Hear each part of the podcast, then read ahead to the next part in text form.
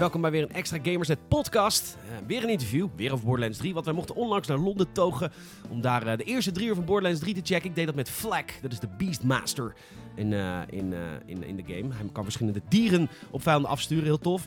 En daar heb ik ook even gezeten met Chris Brock. Hij is Managing Producer of Development bij Gearbox Software. Verantwoordelijk dus voor de ontwikkeling van Borderlands 3. En wij spreken met hem over de game inhoudelijk, maar ook iets meer over het leven van een ontwikkelaar. Want god, god, wat reist die moment af.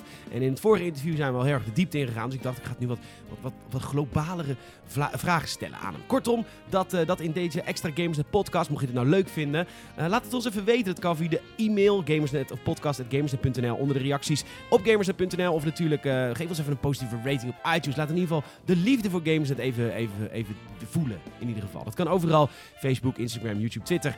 Um, en uh, natuurlijk op gamersnet.nl. Without further ado, mijn interview met, uh, met Chris Brock. En ik hoop dat je het heel erg tof vindt de komende 10 minuten in deze extra Gamersnet podcast.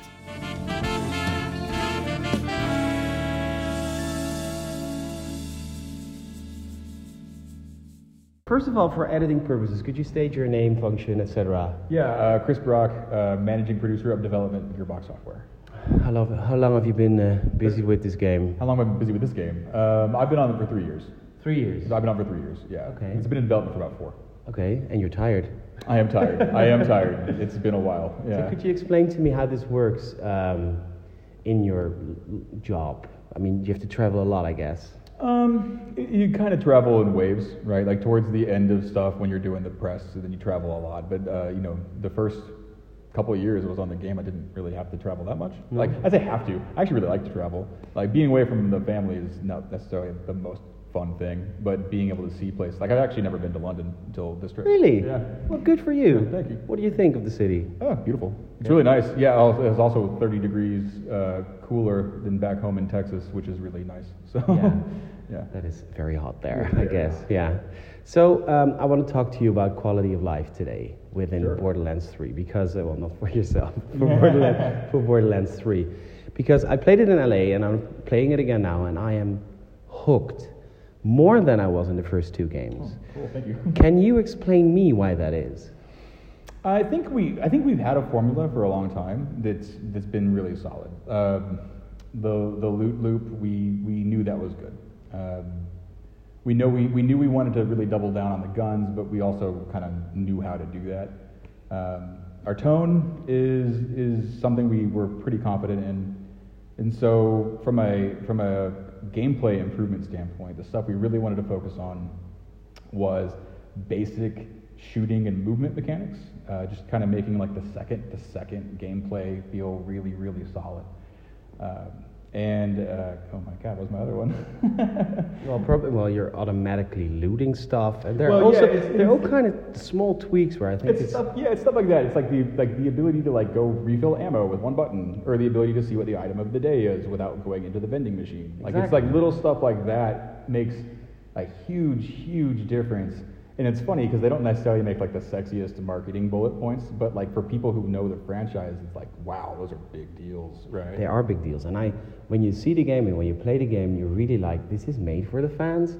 I mean, 2K uh, or Gearbox, you made more uh, games, but you actually decided to go in depth and not doing something completely new. Was that a decision from the start? Yes, it was. Um, it would have. Isn't been, that scary? Aren't you afraid that yes. people are going to say it's too much of the same? Um, it's possible they could say that. I I think we had something that was that was good and needed refinement. And when you've been away from the industry, like from the genre for so long, like the last one of the, the last Borderlands game we made fully within Gearbox uh, was uh, Borderlands 2, right? So it's been seven years. Uh, Pre-sequel is awesome, and that was co-developed with 2K Australia.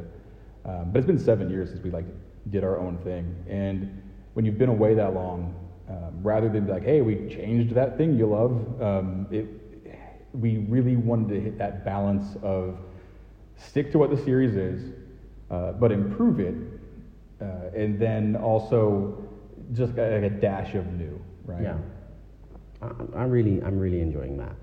Um, balancing. I was playing with the Beastmasters today for the first time. Right. The guy has three different beasts, mm-hmm. um, and the other characters also have their own um, uh, uh um, capabilities. Mm-hmm. How do you? How hard is it to balance this game? I mean, I played it with a friend, a colleague, and it was so natural together.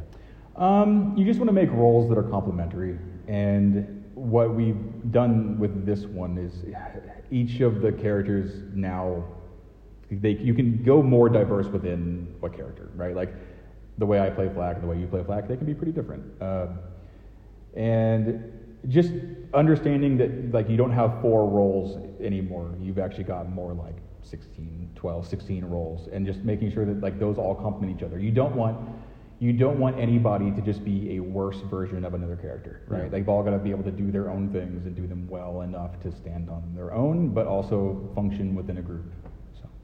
Story is very important. Mm-hmm. I, um, I'm reali- realizing now since I played the first uh, three hours of the game, mm-hmm. um, how um, you're absolutely free in story. I mean, you're making up the lore as you go. Sure. So, um, but how important, how hard is it to make humor in games? Uh, it's very hard. Um, I mean, it's pretty hit or miss, isn't it? Or are you in the office and writing stuff, and uh, do you have like a, a screening with people who say this is absolutely not funny? Uh, yes, I mean you you have a, a, pretty tough audience within the studio, right? Like if you can make the studio laugh, it's probably it's probably pretty good. Um, humor. So the problem with not problem, but the the tricky thing with humor is it's you don't want the game to just be jokes. Um, it's similar. This is going to be a weird reference, but it's similar to how um, like Deadpool works as a comic book, right? Yeah. Like you just don't want it to be like weird non sequiturs. Like you don't want it to be like we, just like jokes for the like sake telling of jokes, jokes in a bar. Right. Yeah. right. Like it works better when it has like this tone and it takes itself seriously. Also, there's jokes, right? It's it's the balancing act of making your game funny without being a joke of it in and of itself. Yeah, you're making fun of a lot of like hipster stuff. I mean, when I played in LA, I had the, the barista and mm-hmm. with, with your um, at Rockstar, they're finding it very hard to make a new GTA because everything that happens in real life is weirder than weirder than it would be in, in real life. Did you have any problem with that? It, does it does it mirror what, what kind of the studio thinks of what's wrong with the world, or, or do I make it too grand? No, it's funny, not not really. I don't think there's anything in the game that's really like an intense political statement. I, I did. It's funny. I was talking earlier, and I think that uh, the idea that there's like this corporate oligarchy run by weapon manufacturers is a lot less funny than it used to be. Yeah. Right? Like that's a thing where we thought we were making these like like crazy jokes. Yeah, because when you made that up, ten, ten years ago, that was Trump didn't have a deal with Saudi Arabia. yeah, ten years ago, yeah, this wasn't really a thing. No. Um, you know, now it's like wow, that's we didn't know we were predicting anything. Yeah. so. Yeah, it's actually the world's too weird for, for video games. Sometimes, sometimes. Okay. Uh, last final question. Um, I'm, I'm talking to you a little bit less in depth because in LA uh, I talked uh, uh, very uh, about gameplay. Um, but final question: What is the thing you're most proud of in this game? And that can be something that people don't see at first sight, but you know mm. that was so hard to do and it took so many headaches.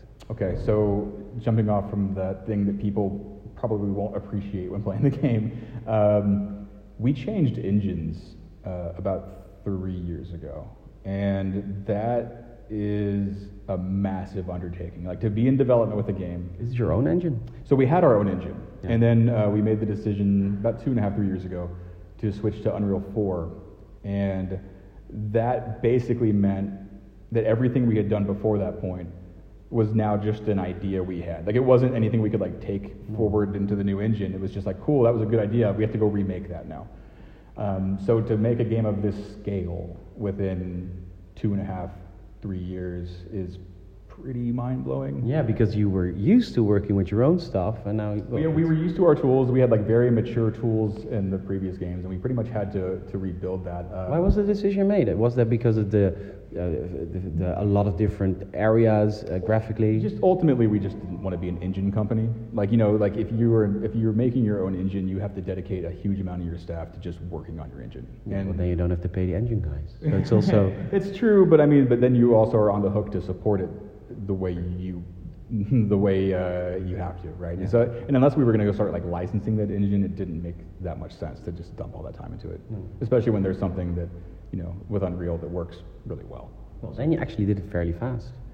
Yeah, because I, mean, I saw a few planets now, and they're actually very different. I mean, I couldn't go back to Borderlands 2 because you know it's just one planet. It's just one planet. Yeah, yeah. Uh, yeah no, I mean the the diversity in biomes is like way way more than we've ever done, and. Um, one of the strengths of the franchise has always been enemy variety, um, but we've really completely blown ourselves out of the water on this one. Like just when you go from planet to planet, it doesn't make Yeah. sense for all of the flora and fauna to be the same. So we were making all new stuff when you go to these planets, and like th- while that was a huge undertaking and a big challenge, it was also something that we're really happy that we did. I really loved the Sanctum Six. Was that the last The- planet? San- the, the last planet was was that something? Eden Six? Eden Six. Sorry. Eden Six, yeah, it's a it's a very jungle bayou kind of uh, kind of look.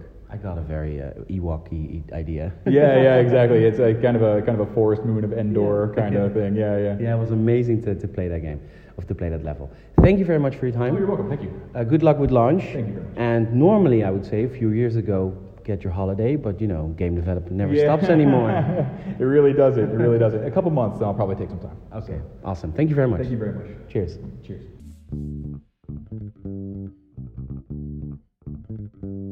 Dat was het interview met Chris Brock. Onwijs bedankt dat je hebt geluisterd. Eh beloon dat als je het leuk vond met een, eh, met een volgje overal op de sociale media. En laat ook je vrienden weten die van games houden dat deze podcast bestaat. En volgende week is er meer podcasts te beluisteren dan ooit tevoren. Want wij togen morgen, of heel vroeg eigenlijk al morgen, naar, eh, naar Keulen voor Gamescom. De grootste gamebeurs van, van de wereld. Gaan we heel veel ehm, afspraken langs. Gaan we heel veel previews schrijven. Ehm, ga die allemaal checken op gamers.nl op dagelijkse basis. Maar we gaan ook elke dag podcasten vanaf, vanaf Keulen. Ehm, dus er komen wat extra podcasts aan met Tom Amador en ik, ehm, die daar zijn. Ehm, dus, eh, dus extra podcasts voor jullie. Superleuk. En ook superleuk voor ons om te maken. Dus bedankt ervoor. En eh, heel tot snel op gamersnet.nl.